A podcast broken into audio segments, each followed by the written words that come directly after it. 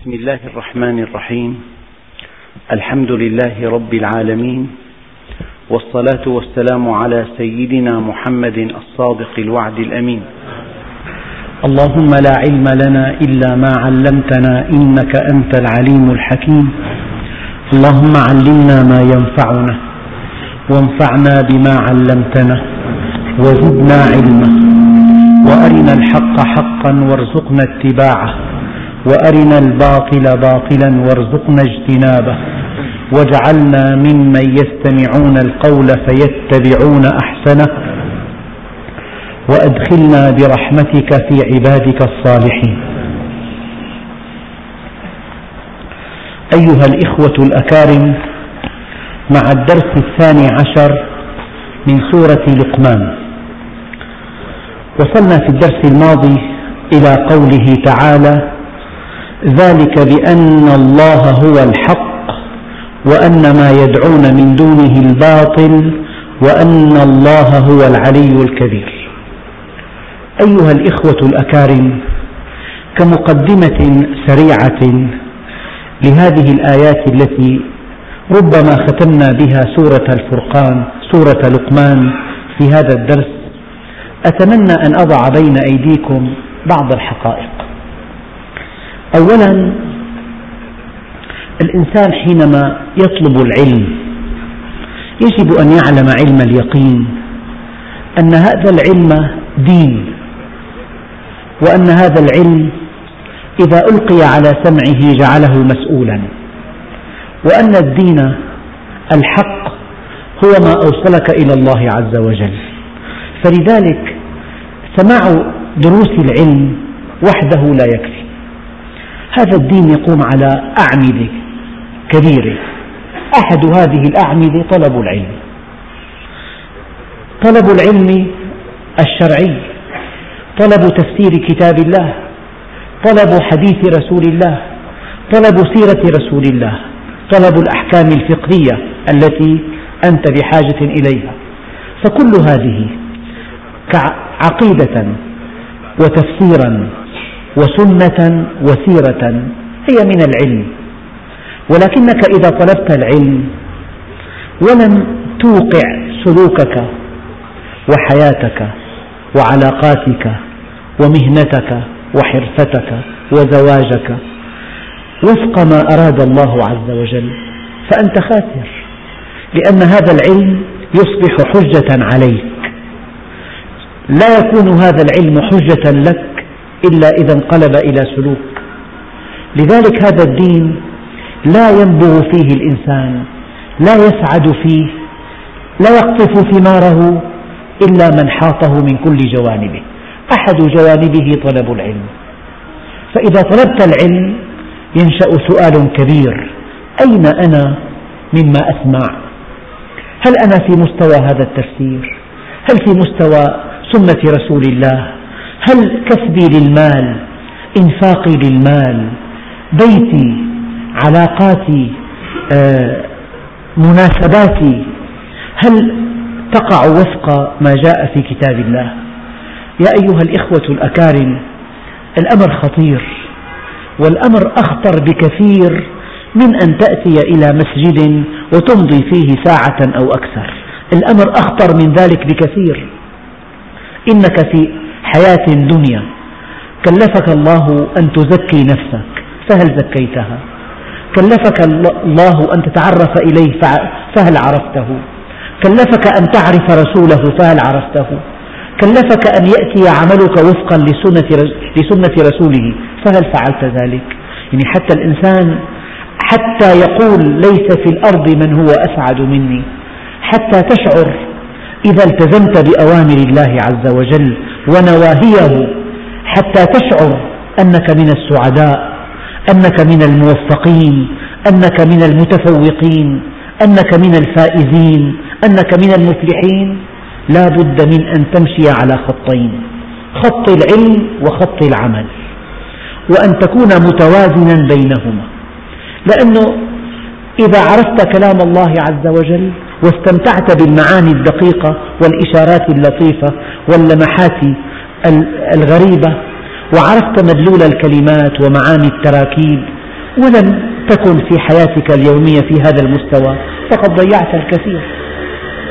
إذا حياتك ينبغي أن تبنى على أعمدة. العمود الأول طلب العلم.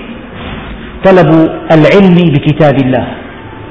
طلب العلم بسنة رسول الله. بكتاب الله يوم الجمعة بسنة رسوله القولية والفعلية يوم الأحد. يجب أن تعرف أحوال القلب لأن الله عز وجل يقول يوم لا ينفع مال ولا بنون إلا من أتى الله بقلب سليم.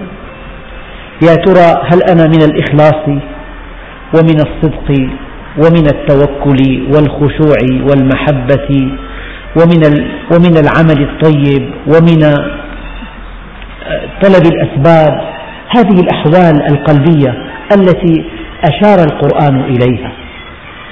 يجب أن تكون متمثلة في قلب كل مؤمن. إذا طلب العلم جانب من جوانب طريق الإيمان. الآن أن تعمل بما علمت هو الجانب الآخر. هو الخط الآخر الذي ينبغي أن تسير فيه. يجب أن تسير في طريق العلم وفي طريق العمل.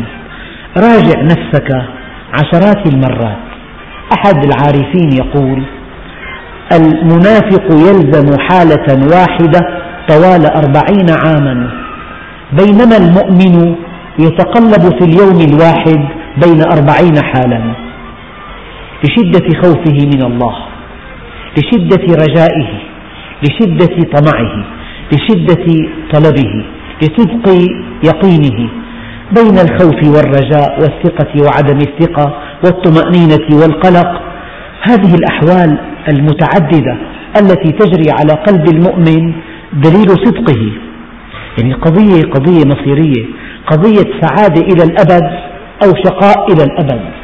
إذا الإنسان خلط عملا صالحا وآخر سيئا معناها لا بد من أن يعالجه الله في الدنيا أو يعالجه عند سكرات الموت أو يعالجه في القبر وفي البرزخ. فالبطولة أن يأتي ملك الموت وأنت كما ولدتك أمك. لذلك الحديث القدسي المعروف عندكم قال يا رب ارحمه قال كيف أرحمه مما أنا به أرحمه. وعزتي وجلالي لا أقبض عبدي المؤمن وأنا أحب أن أرحمه إلا ابتليته بكل سيئة كان عملها سقما في جسده أو إقتارا في رزقه أو مصيبة في ماله أو ولده حتى أبلغ منه مثل الذر فإذا بقي عليه شيء شددت عليه سكرات الموت حتى يلقاني كيوم ولدته أمه.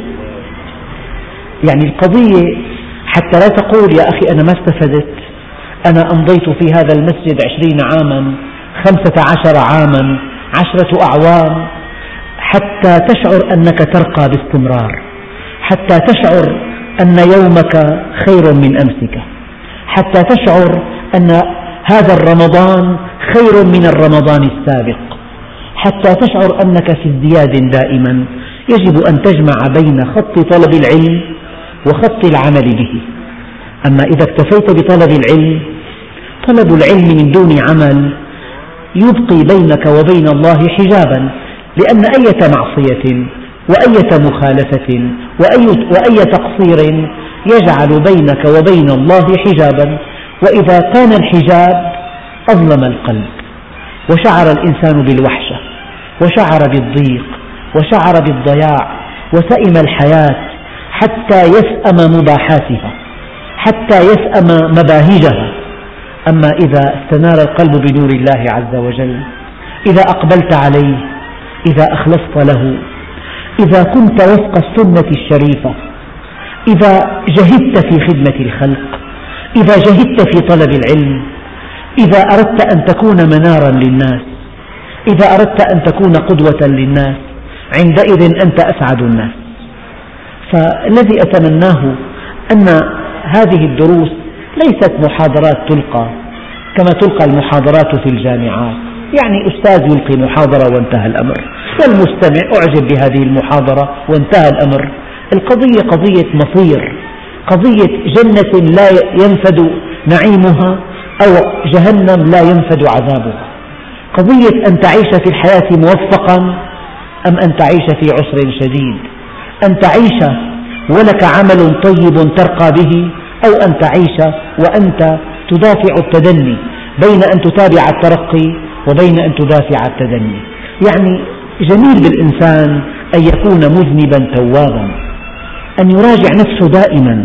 كلما زلت قدمه كلما غفل قلبه كلما قصر, قصر عمله كلما شعر أن حجابا بينه وبين الله. المؤمن حكيم نفسه. إذا صليت هل تعجبك صلاتك؟ إذا أنفقت مالا هل عاد ثوابها هل عاد هذا العمل عليك بالثواب من أجمل التفاسير التي طلعت عليها في مفهوم الثواب أنك إذا عملت عملا خالصا لله عز وجل لك عليه ثواب والثواب من ثاب وثاب معناه رجع يعني رجع عليك إيناس من الله عز وجل. شعرت أن قلبك يمتلئ سعادة إثر هذا العمل الصالح. فعلامة إخلاصك في عملك الصالح أن القلب يهتز طربا أن القلب ينتشي سعادة من جراء هذا العمل. فلئلا يقسو القلب لئلا تجمد العينان لئلا يصبح حضور دروس العلم عادة من عوائدنا لئلا ينقلب الدين إلى طقوس. لئلا تصبح مجالس العلم محاضرات تلقى كما تلقى المحاضرات في الجامعات. أنت لست مستمعا أنت ممن ممن يسير في طريق الإيمان. لاحظ سنة النبي. يجب أن تطبقها في البيت. لاحظ أوامر الله عز وجل. دائما حاسب نفسك. هل أنا في مستوى هذه الأوامر؟ إنك إن فعلت هذا قطفت ثمار الدين. وشعرت أن الدين هو الحياة وأنه من لا دين له لا حياة له وأن الله عز وجل حينما وصف أهل البعد بأنهم أموات غير أحياء فقد صدق الله العظيم. وحينما قال الله عز وجل يا أيها الذين آمنوا استجيبوا لله وللرسول إذا دعاكم لما يحييكم يقول صدق الله العظيم. وحينما تشعر أن خالق الكون يوقع حياتك على ما على ما يرضيك وأن هذا الأمر تم بفضل الله وأن هذا الأمر تم بإكرام الله وأن هذا الأمر تم بتوفيق الله وأن هذا الأمر تم بلطف الله عز وجل. إذا كان بينك وبين الله مناجاة إذا كان بينك وبين الله دعاء إذا كان بينك وبين الله اتصال إذا انتشى هذا القلب بذكر الله عندئذ تصبح كوكبا دريا يشيع النور من حوله. فلئلا ينقلب مجلس العلم عادة من عوائدنا لئلا نكتفي بالسماع لئلا نثني بألسنتنا على الدروس وعلى ملقيها لئلا يصبح هذا مجاملات. أنا أتمنى أن يكون أحدكم أو كل من يحضر هذا المجلس أن يكون ممن يقطف ثمار هذا المجلس. يعني افتح مع الله صفحة جديدة. تب إليه من كل مخالفة. تفكر في خلق السماوات والأرض أكثر من ذكر الله. حاول أن تجعل من صلاتك صلة بالله عز وجل. حاول أن يستنير قلبك بنور الله.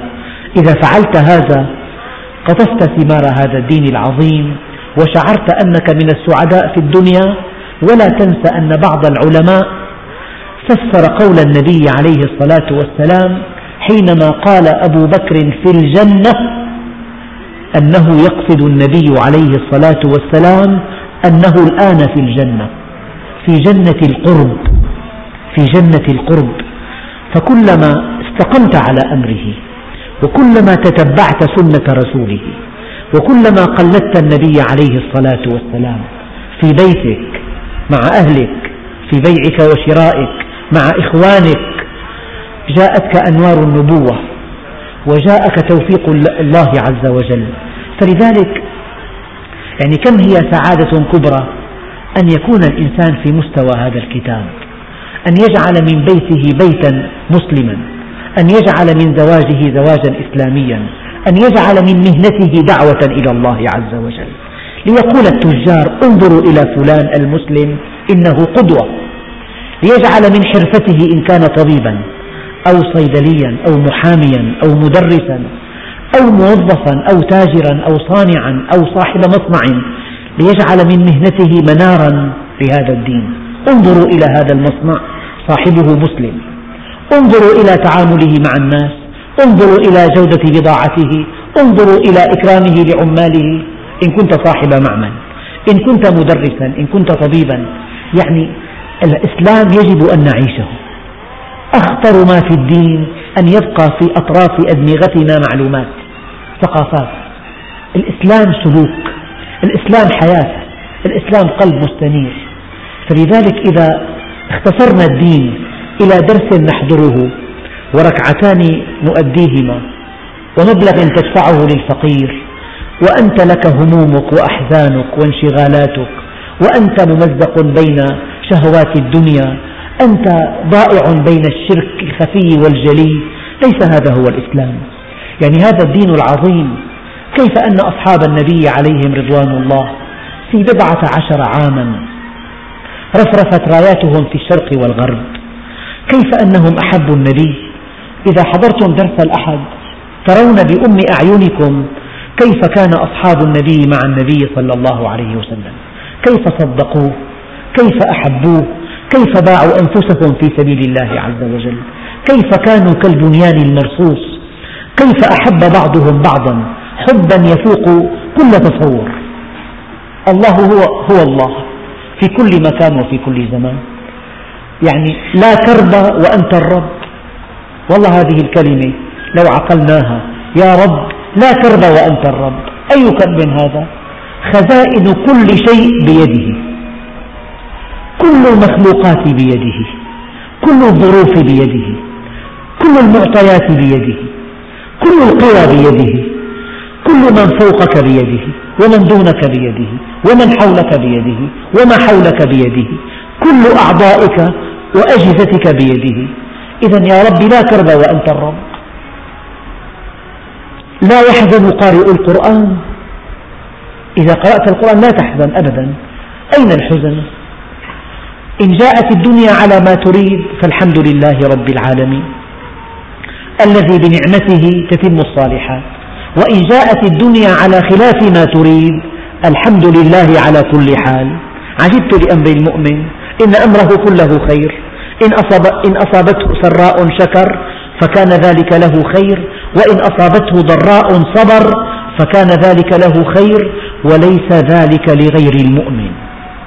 أنت غالي على الله. مطلوب أنت مطلوب من قبل الله عز وجل. هو الذي يطلبك. إن تابوا فأنا حبيبهم وإن لم يتوبوا فأنا طبيبهم. أبتليهم بالمصائب لأطهرهم من الذنوب والمعايب. فإذا الإنسان في بيته مخالفة يا أخوان لا ينام ليلة يحاول يصلحها.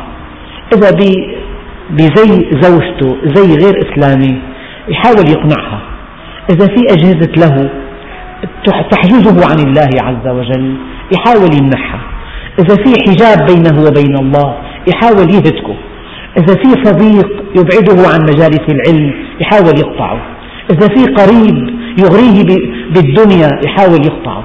حتى يستقيم على أمر الله وحتى يقطف ثمار الدين. لأنه يا أيها الذين آمنوا لا تتولوا قوما غضب الله عليهم. لا تصحب إلا مؤمنا ولا يأكل طعامك إلا تقي.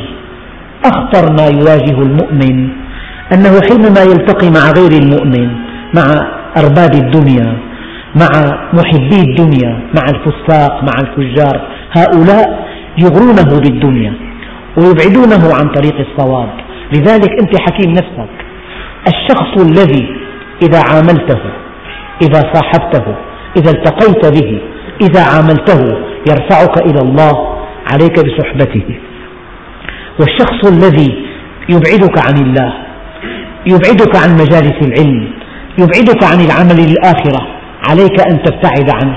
إما أن تجره إذا كان بإمكانك أن تجره إلى الدين أنعم وأكرم بهذا العمل. أما إذا كان بإمكانه أن يجرك فلا كانت هذه الصحبة ولا كانت هذه العلاقة ولا كانت تلك المودة. لأن الله عز وجل يأمرنا أن نبتعد عن كل رجل من شأنه أن يبعدنا عن طريقه. ولا تطع دقق في قوله تعالى ولا تطع من أغفلنا قلبه عن ذكرنا. واتبع هواه وكان أمره فرطا واتبع سبيل من أناب إليه. هذا الذي عاد إلى الله عاد إليه تائبا. عاد إليه في الأمر والنهي. عاد إليه في كل شيء. اتبع سبيل من أناب إلي ثم إلي مرجعكم فأنبئكم بما كنتم تعملون. يعني الإنسان ما في مانع. يعني من أركان الطريق إلى الله عز وجل أن هذه النفس البشرية إذا استعصت عليك إذا أبت أن تطيع الله عز وجل إذا استهوتها الدنيا لا مانع. أن تذكرها بالموت. لأن الله سبحانه وتعالى كان من الممكن أن يأتي بنا إلى الدنيا دفعة واحدة وأن نغادرها دفعة واحدة. عندئذ لا موت ولا حزن ولكن شاءت حكمة الله أن نأتي إلى الدنيا تباعا وأن نغادرها تباعا. ليتعظ بعضنا ببعض. انظر إلى الذي يتوفاه الله عز وجل.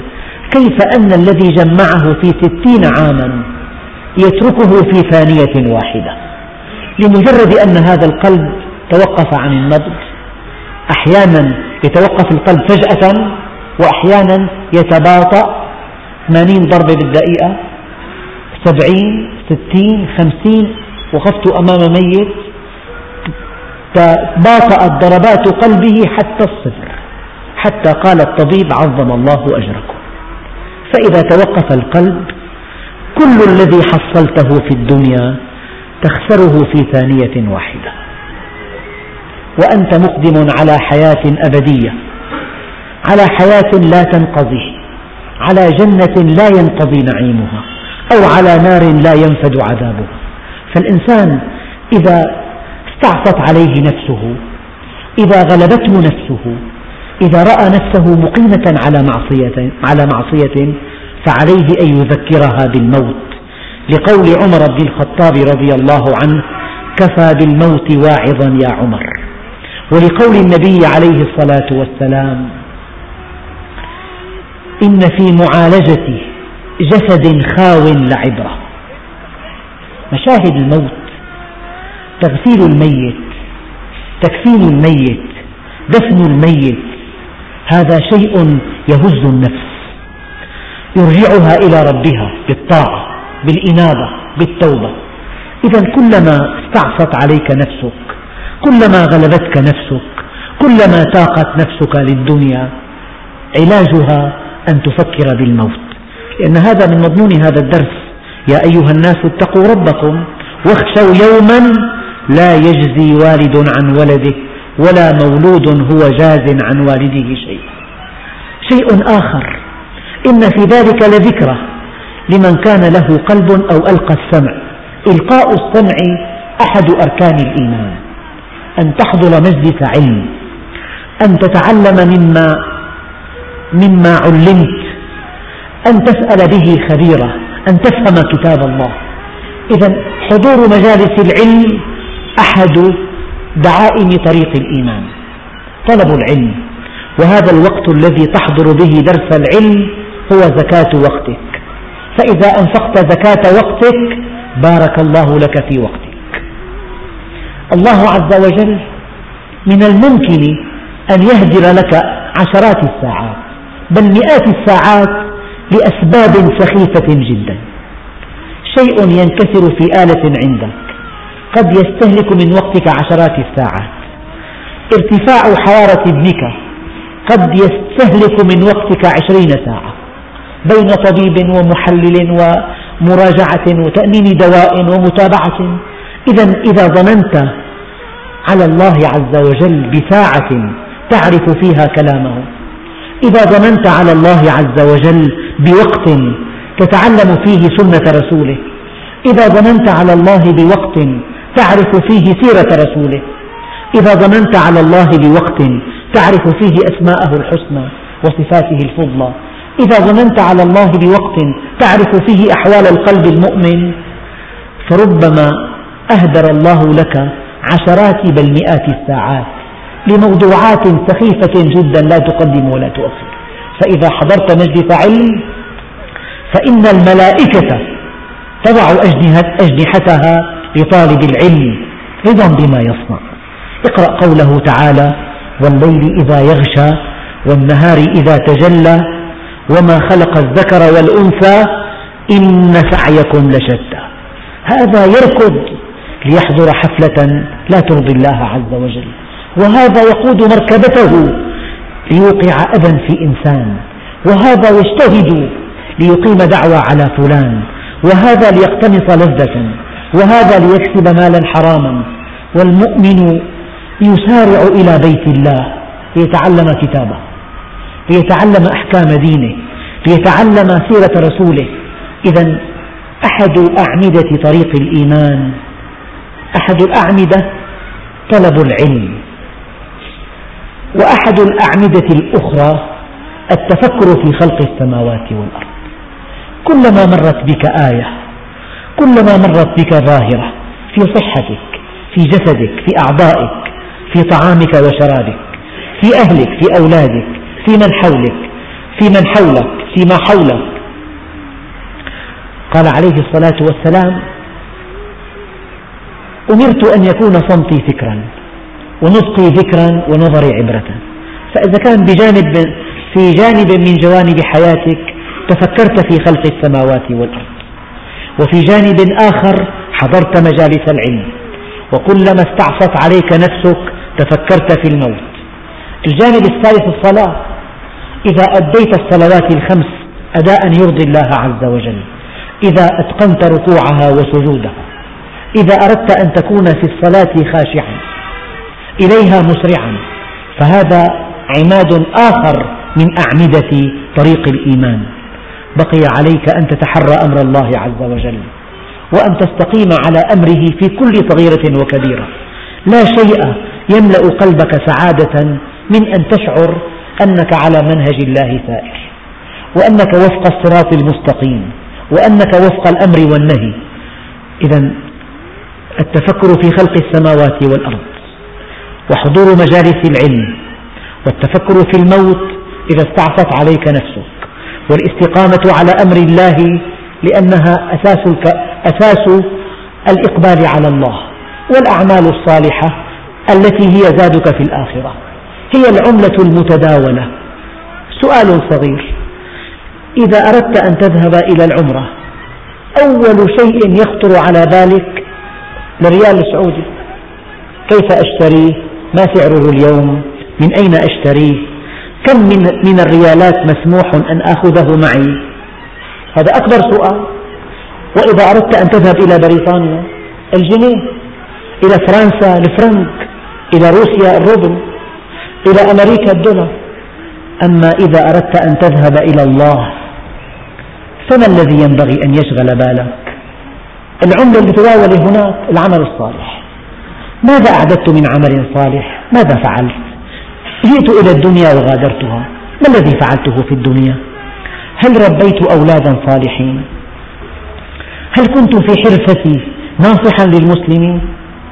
هل قدمت لهذا المجتمع المسلم خدمة ثمينة؟ هل كنت عضوا نافعا؟ هل كنت عضوا شريرا؟ هل دعوت إلى الله؟ هل علمت العلم؟ هل علمت القرآن؟ هل علمت تجويده هل علمت أحكامه؟ هل علمت آياته الكونية؟ هل طبقته؟ يا بشرة يا بشر لا صدقة ولا جهاد فبم تلقى الله إذا؟ هذا أكبر سؤال إذا جاء ملك الموت. والموت لا يعرف صغيرا ولا كبيرا. لحكمة أرادها الله يموت المرء شابا ويموت كهلا ويموت شيخا فانيا. ويموت بلا مرض وبلا مرض. بمرض وبلا مرض. يموت إثر مرض عضال وإثر صحة جيدة. كل الأحوال تمر على الإنسان. إذا الموت شيء يجب أن نعد له عدته. يعني أنا أردت من هذه المقدمة أن لا تنقلب مجالس العلم إلى سلوك يومي. إلى سماع وهز رأس. الحمد لله على دين الإسلام والسكنة بالشام الحمد لله. هذه الأقوال التي يقولها عامة الناس. الإسلام التزام الإسلام سلوك الإسلام منظومة قيم. الإسلام يدخل في بيتك يتعلق بعملك يتعلق بكلامك يتعلق بلهوك. الإسلام نظام كامل نظام دقيق يدخل في كل جزئيات حياتك. فلذلك أيها الإخوة الأكارم قلت لكم في درس سابق أنكم تحاسبون لا على سماعكم بل على التطبيق. وأنا أحاسب لا على إلقاء الدرس بل على تطبيقه. فقد يسأل الله المستمع هل استجبت لما, لما قيل لك؟ وقد يسأل الله المتكلم هل كنت في مستوى كلامي؟ فلا كلامي له قيمة عند الله عز وجل إن لم أطبقه ولا سماعكم له قيمة عند الله عز وجل إن لم تطبقوا ما تسمعون. وهذه الكلمة أردت منها وجه الله عز وجل. وأن يكون الانتماء لهذا المسجد انتماء حقيقيا وأن يكون هذا المجتمع مجتمعا مسلما لا أن يكون, يكون هذا المجلس أفراد يستمعون إلى محاضرة بل مؤمنون متوادون متناصحون متآخون متزاورون متبادلون متكاتفون متعاونون. إذا رأى الناس مجتمعا مسلما هذا أبلغ من مليون محاضرة. يعني سمعت قصة والله هزت كل مشاعري. رجل عنده بيت أراد أن يبيعه. رأى هذا البيت إنسان. قال يا, سيدي بكم تبيعني هذا البيت؟ قال له والله هذا البيت ثمنه ثلاثمائة ألف قصة قديمة. وأنت أحببتك سأبيعك إياه بمئتين وتسعين ألف. فهل اشتريت؟ قال له اشتريت ولم يكن بينهما إلا هذا الإيجاب والقبول فقط. لحكمة أرادها الله عز وجل جاء إنسان آخر لصاحب البيت في اليوم التالي فحينما رآه أعجبه جدا وقال أنا أشتري هذا البيت بثلاثمائة وخمس وعشرين ألف ليرة. فما كان من صاحب البيت إلا أن قال له لقد بعته. وانتهى الأمر. ولن أبيعه مرة ثانية. أصبح الآن ملكا لفلان. فإذا أعجبك البيت فاذهب إليه واشتري منه. وليس بينهما إلا المباركة. لا في ورقة ولا قلم ولا عقد ولا عربون ولا آه، ما يسمى في العقود يعني غرامة آه، نكول. أبدا. الشاري علم أن شخصا في اليوم التالي دفع فيه ثلاثمائة وخمس وعشرين ألف. فتألم ألما شديدا وظن أن البائع قد نقص وقد نقض عهده معه. الموعد بعد أسبوع. بعد أسبوع رأى الوضع طبيعي.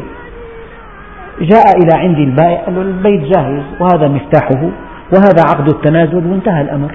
هو شبه. طيب ما هذه الأخلاق؟ إنسان قبل عشر سنوات يفوت عليه خمسا وثلاثين ألف ليرة لا لشيء إلا لأنه قال لقد بعتك والبيت مبارك لك. قال لي هذا الرجل آه، بعد أربعة أسابيع البيت تابع لجمعية تعاونية. فرضوا على صاحب البيت الأول على مالك البيت سبعا وعشرين ألف ليرة.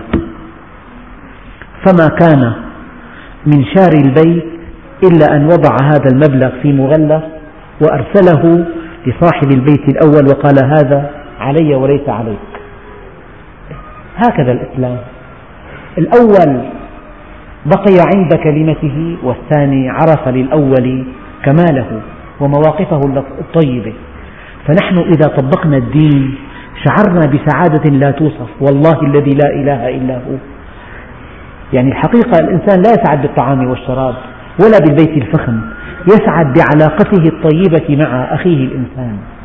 يسعد بمجتمع مسلم. يسعد بمجتمع فيه المحبة والألفة والصراحة والنصح والمودة والرحمة. بهذا يسعد؟ فإذا نحن على مستوى مجتمع صغير على مستوى رواد هذا المسجد لنكن إخوة. الله عز وجل ماذا قال؟ قال والمؤمنون بعضهم لبعض أو بعضهم أولياء بعض. بعضهم أولياء بعض. يأمرون بالمعروف وينهون عن المنكر ويؤمنون بالله. والمنافقون بعضهم من بعض. دقة القرآن الكريم عجيبة. المؤمنون بعضهم أولياء بعض. يعني المؤمن ولي أخيه المؤمن. ينصحه ويرشده ويحذره ويحرص عليه ويخاف على سمعته ويرجو له الخير ويخاف عليه من الشر وليه. كيف أن الولي أنت أب وعندك ابن غال عليك كيف أنك تحرص على صحته وعلى تحصيله العلمي وعلى دراسته وعلى مستقبله وعلى أخلاقه وعلى دينه وعلى تجد نفسك دائما في في يعني رغبة جامحة للعناية به. أنت وليه. والتعبير الشائع بالمدارس بعات ولي أمرك. بعات ولي أمرك. من هو ولي؟ الأب الأخ الكبير العم. والمؤمنون بعضهم أولياء بعض. إذا أنت ما كنت ولي لك المؤمن يعني أنا أحيانا هذه ملاحظة عابرة. أخ من أخواننا الكرام يتغيب عن دروس العلم. والله من يومين أخ لاحظت من أربع أسابيع ما شفته. والله قلقت عليه قلقا, قلقا كبيرا. يا ترى يعني مريض يا ترى أصابه مشكلة يا ترى إنسان ألقى عليه شبهة يا ترى زاغت نفسه. ثم علمت أنه مسافر. قلت يا ليت الذي يسافر بس يعلن أنني مسافر. لأرحت أخي أخاك راحة كبيرة.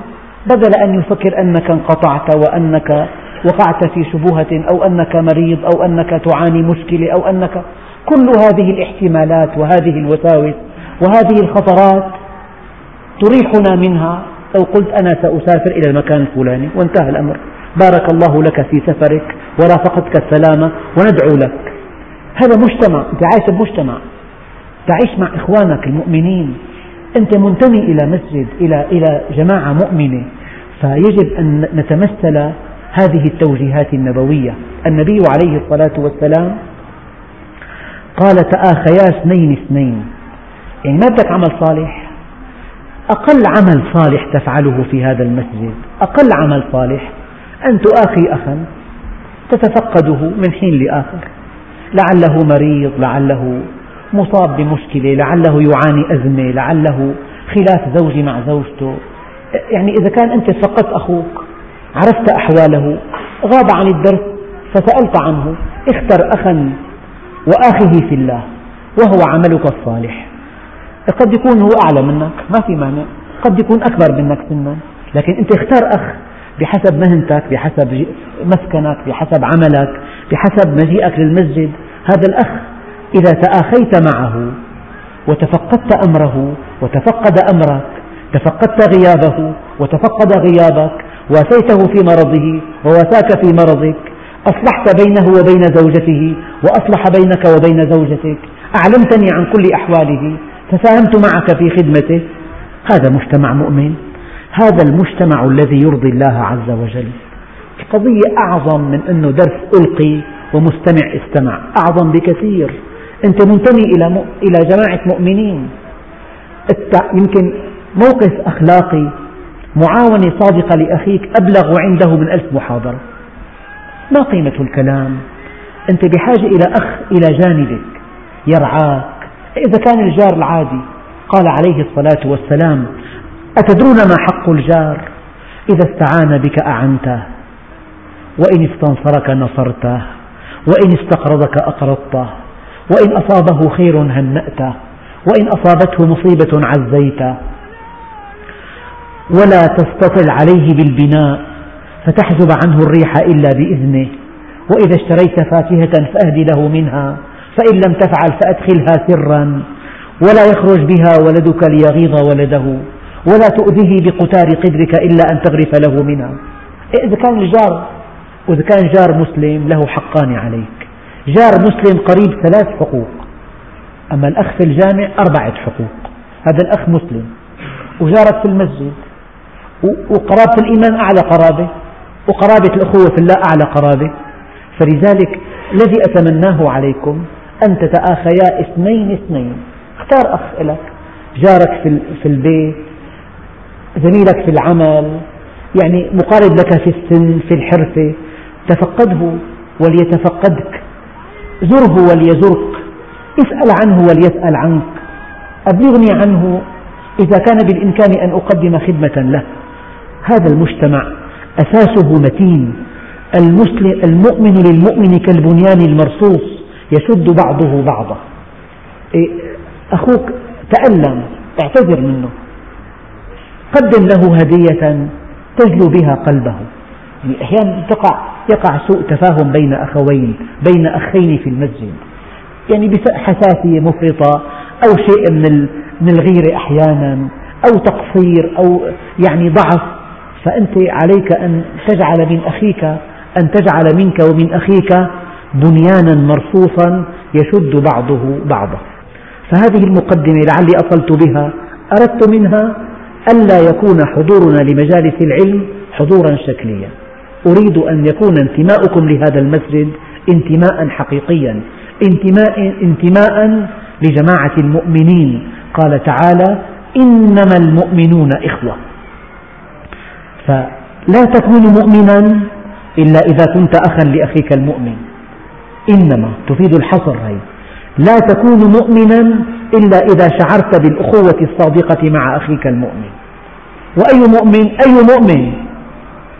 إياك أن تظن المؤمنون الذين يحضرون معك مجلس العلم. لا. يجب أن يكون انتماؤك إلى أي مؤمن. ما دام هذا الرجل قد عرف الله واستقام على أمره وأحبه وعمل لآخرته فهو مؤمن. يجب أن تنتمي إليه وأن تحبه وأن تعينه وأن تنصره. نعم. آيات اليوم الله سبحانه وتعالى يقول ذلك بأن الله هو الحق. الحق خلاف الباطل الباطل الشيء الزائل الحق الشيء الثابت فأي جهة غير الله؟ أي جهة غير الله عز وجل؟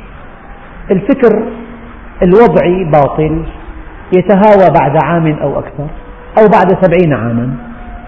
السلوك الباطل ينقضه الحق. أي شيء غير الله عز وجل باطل؟ ألا كل شيء ما خلا الله باطل؟ ألا كل شيء ما خلا الله باطل؟ الباطل الشيء الثابت. فأنت إما أن تربط مصيرك مع شيء زائل سرعان ما يتهاوى سرعان ما يتداعى سرعان ما ينتهي سرعان ما تكشف حينما يزول وإما أن تكون مع الثابت مع الحق. إن كنت مع الحق فالله سبحانه وتعالى لا يحول ولا يزول. إن كنت مع الحق فأنت في صعود. وإن كنت مع الباطل فأنت في نزول. إن كنت مع الحق فأنت في ثبات وإن كنت مع الباطل فأنت في زلزال. إن كنت مع الحق فأنت في تقدم وإن كنت مع الباطل فأنت في تأخر. ذلك بأن الله هو الحق. الشيء الثابت الأبدي السرمدي. المعنى الآخر الحق الشيء الثاني. الثابت والثاني. يقابل الباطل اللعب. وما خلقنا السماوات والأرض وما بينهما باطلا. يعني الباطل هو الزائل. وما خلقنا السماوات والأرض وما بينهما لاعبين. إذا الحق دائما على عكس الباطل الزائل وعلى عكس اللعب العابث فأنت إذا كنت مع الله فهو الثابت وهو العظيم وهو الكامل. ذلك بأن الله هو الحق. لو الله عز وجل قال ذلك بأن الله حق. ما الفرق بين الآية بين بين التعبيرين؟ ذلك بأن الله حق. يعني قد يكون في حق آخر غير الله عز وجل، الله حق وفي حق آخر، أما ذلك بأن الله هو الحق أي لا حق سواه، إذا جاء الخبر معرفا بأل فهو أحد أنواع القصر، يعني الحق هو الله ولا حق سواه، ذلك بأن الله هو الحق. الثابت الأبدي السرمدي كل من عليها فان ويبقى وجه ربك ذو الجلال والإكرام. أنت مع مع الدائم مع الأبدي السرمدي مع الذي لا يحول ولا يزول. أما مع الأشخاص علقت الآمال على إنسان فعزل من منصبه علقت الأمل على فلان فمات. علقت الأمل على هذا القرار فألغي القرار. علقت الأمل على زيد مات زيد. علقت الأمل على عبيد تنكر لك عبيد بلا سبب. فكل ما سوى الله باطل أشخاص أفكار أي شيء ما سوى الله باطل. فالبطولة أن تكون مع الحق لا مع الباطل. في فكر باطل في عقيدة باطلة في مذهب باطل في اتجاه باطل في تجمع باطل في سلوك باطل. في عمل باطل في مهنة باطلة إياك أن تكون مع الباطل. كن مع الحق. والحق من معاني السمو. إياك أن تسفل إن الله يحب معالي الأمور ويكره سفافها ودنيها. ذلك بأن الله هو الحق وأن ما يدعون من دونه الباطل. أبدا. فماذا بعد الحق إلا أي فكر غير ديني باطل. أي سلوك غير ديني باطل. أي كتاب لا يستقي من كتاب الله فهو باطل. أي مذهب أي فكر أي عقيدة أي سلوك أي تصرف أي تجمع أي أي شيء لا يستقي من الحقيقة الأولى وجوده وانتظامه فهو باطل. ذلك بأن الله هو الحق وأن ما يدعون من دونه الباطل. باطل يعني زائل. وأن الله هو العلي الكبير. العلي الذي تعالى عن النقص والكبير الذي اتصف بكل صفات الكمال. إذا في هذه الآية إشارة إلى ثلاث أشياء أساسية إلى أن الله واجب الوجود هو الحق وإلى أن الله عز وجل منزه عن كل نقص وإلى أن الله ذو أسماء حسنى وصفات فضلة. إذا موجود وجود وجودا موجود وجودا واجبا. الواجب الوجود هو الله. ومنزه عن كل نقص ومتصف بكل كمال. هذا هو الله عز وجل. موجود كامل منزه عن النقص. هل يمكن أن تتجه لغير الله عز وجل؟ هل هناك جهة في الأرض تستحق أن تلتفت إليها. هل يمكن أن تمضي عمرك الثمين لسوى الله عز وجل؟ ذلك بأن الله هو الحق وأن ما يدعون من دونه الباطل وأن الله هو العلي الكبير. واجب الوجود. تعالى عن كل نقص. اتصف بكل كمال. ذلكم الله رب العالمين. إيه، لمثل هذا فليعمل العاملون. إلى هذا الإله العظيم فلنتجه. إلى طاعته فلنبادر. عن معصيته فلنبتعد.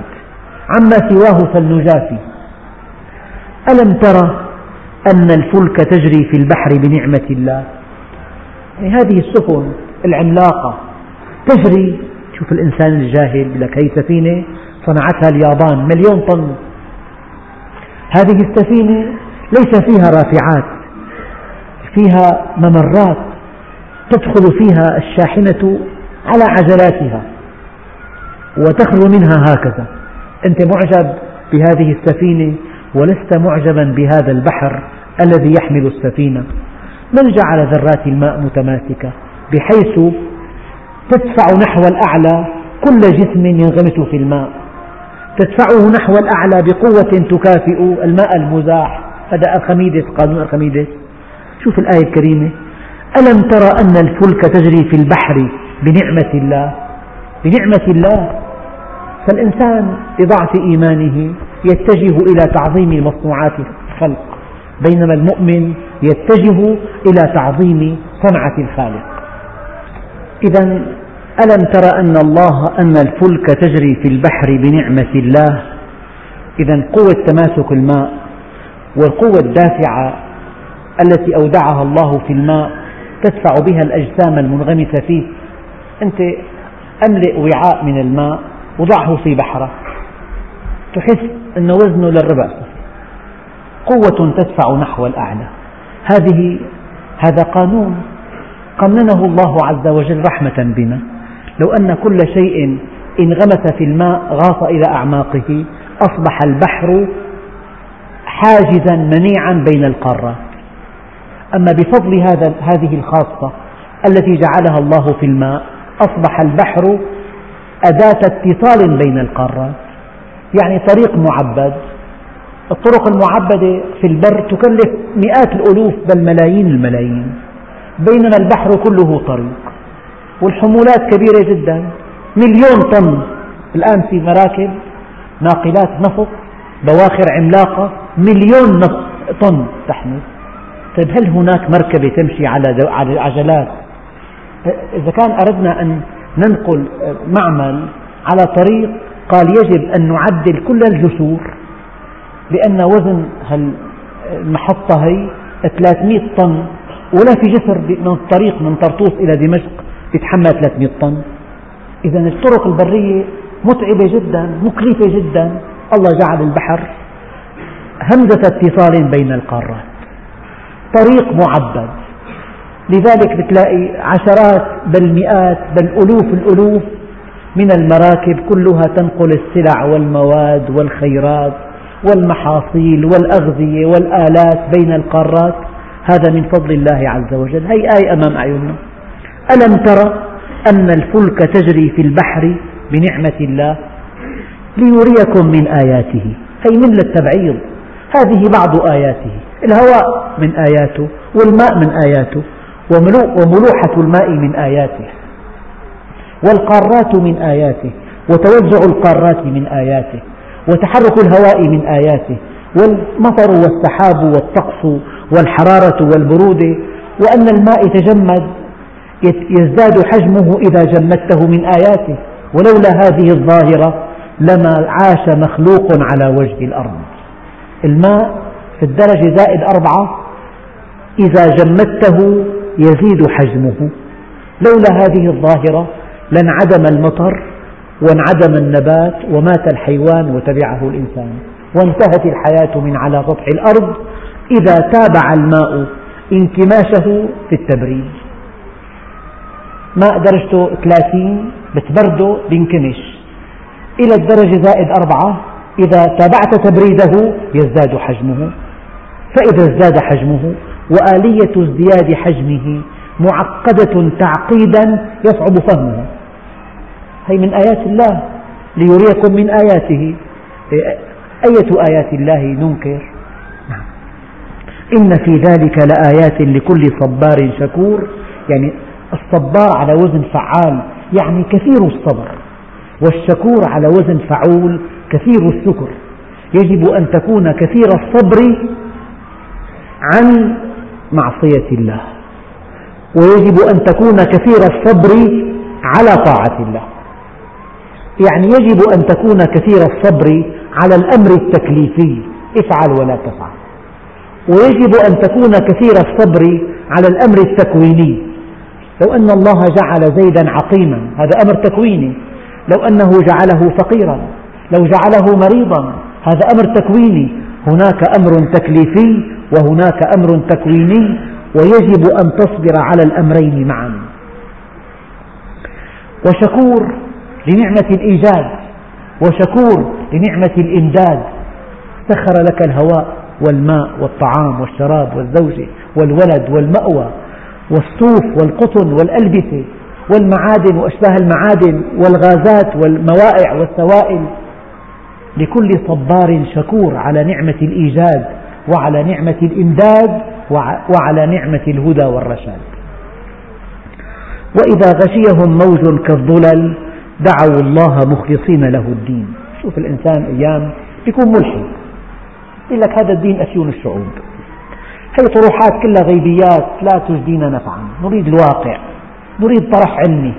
هكذا يتنطع أعداء الدين. مثل هذا الإنسان لو أصابه مرض عضال لو أصابه ورم خبيث لو تعطل دسام في قلبه لو ضاق الشريان التاجي. يا الله أين ما كنت تدعو إليه أين, أين كفرك؟ أين إلحادك؟ أين استهزاؤك بالدين؟ يا رب ما لي غيرك. هي, هي الفطرة. أنت في فطرتك مؤمن بالله. وتعلم أن الأمر بيد الله وأنه الخالق وأنه المربي وأنه المسير فالبطولة أن تعرفه وأنت صحيح وأن تعرفه وأنت غني وأن تعرفه وأنت شاب وأن تعرفه وأنت في بحبوحة وأن تعرفه وأنت قوي هذه البطولة. أما إذا جاء المرض إذا جاء الضيق إذا فقدت حريتك إذا يعني ألم بك ما ألم يا رب ما لي غيرك. هذا هذه نموذج بشري متكرر. اسمعوا إلى قوله تعالى وإذا غشيهم موج كالظلال. طب طبعا قد يكون بالطائرة. والله حدثني أخ قال لي كنت راكب طائرة. يعني أوشكت على السقوط. دخلت في في في صاعقة في جو باريس وتهشمت مقدمتها وتعطلت فيها بعض الأجهزة وانكسر البلور أمام قائد الطائرة وأصبح سقوط الطائرة على وشك وأصبحت على وشك السقوط. فقال لي قولا قال الركاب بعضهم يلطم خده بعضهم يمزق ثوبه بعضهم يقول يا أولادي يا زوجتي أراد الطيار أن يطمئن الركاب أن يقوي معنوياتهم فكلف مضيفا أن يبلغهم. فذهب ليبلغهم لا أحد يستمع إليه.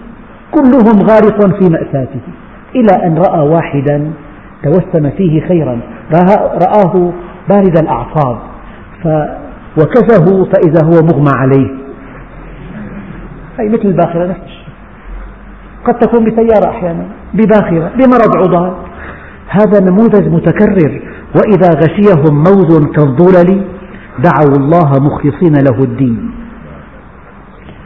البحر هو هادئ والنسيم عليل السهرة على سطح الباخرة وحفلة رقص في داخلها والملهى الفلاني هي باخرة تيتانيك أول ما أقلعت من لندن من من بوست من إنجلترا هي تعد في وقتها أعظم باخرة في العالم.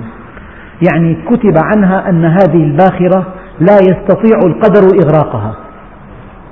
صنعت من من طبقتين. فأي مكان ثقب تغلق الأبواب الداخلية وتبقى تمخر عباب البحر. لم تصنع فيها قوارب نجاة. يعني ركبها أثرياء أوروبا. ثمن الحلي التي على صدور نسائها يعني يبلغ مئات الملايين. وكل ركابها من الطبقة الثرية وهم يعتقدون اعتقادا جازما أن هذه الباخرة لا يستطيع القدر إغراقها. وفي أول رحلة لها ارتطمت بجبل ثلجي شطرها شطرين. استغاثت فكل من حولها ظن استغاثتها احتفالات على سطحها. وقبل ستة أشهر أو أكثر عثروا على حطامها في قاع المحيط. يعني يبحثون الآن عن ثروات فيها. ف وإذا غشيهم موج كالظلل دعوا الله مخلصين له الدين. فلما نجاهم إلى البر والله أخي كان ربان, ربان الباخرة كان ماهر جدا أنقذنا من الموت. أبشع شيء بالإنسان أنه إذا وقع في مصيبة أو في مشكلة كبيرة بعد أن يتفضل الله عليه بتخليصه وإنجائه يعزي هذا التخليص إلى غير الله عز وجل. يا أخي الطبيب ما شاء الله حوله. إيه أنت كان في التهاب سحايا. كنت ما عم تنام الليل فلما قدر الله لابنك الشفاء على يد هذا الطبيب نسيت الله عز وجل. هذه الدعوة ما شاء الله المحامي درجة أولى. له صلات مع القضاة. قوي. إيه الله عز وجل قواك على خصمك. فتعزو الأمر إلى غير الله. هي هذا مرض. هذا مرض أهل البعد. هي صور نموذج بشري. وإذا غشيهم موج كالظلل دعوا الله مخلصين له الدين فلما نجاهم إلى البر فمنهم مقتصد. يعني معتدل يعزو هذا تارة إلى الله عز وجل وتارة إلى الربان الفلاني. أنا سمعت أن قائد الطائرة الذي الذي قادها إلى بر السلامة. يعني نسي جميع الركاب أن الله لطف بهم. وعزوا هذا إلى أعصاب الطيار المتينة. لو أن الله عز وجل ضعف مقاومته لانهار مع الركاب وكان كلهم في نعوة واحدة. لك ومات جميع ركابها فلما نجاهم إلى البر فمنهم مقتصد وما يجحد بآياتنا إلا كل ختار. الختار هو الخوان كفور. الدرس القادم إن شاء الله تعالى. يا أيها الناس اتقوا ربكم واخشوا يوما لا يجزي والد عن ولده ولا مولود هو جاز عن والده شيئا. إن وعد الله حق. فلا تغرنكم الحياة الدنيا ولا يغرنكم بالله الغرور. إن الله عنده علم الساعة وينزل الغيث ويعلم ما في الأرحام. وما تدري نفس ماذا تكسب غدا. والحمد لله رب العالمين.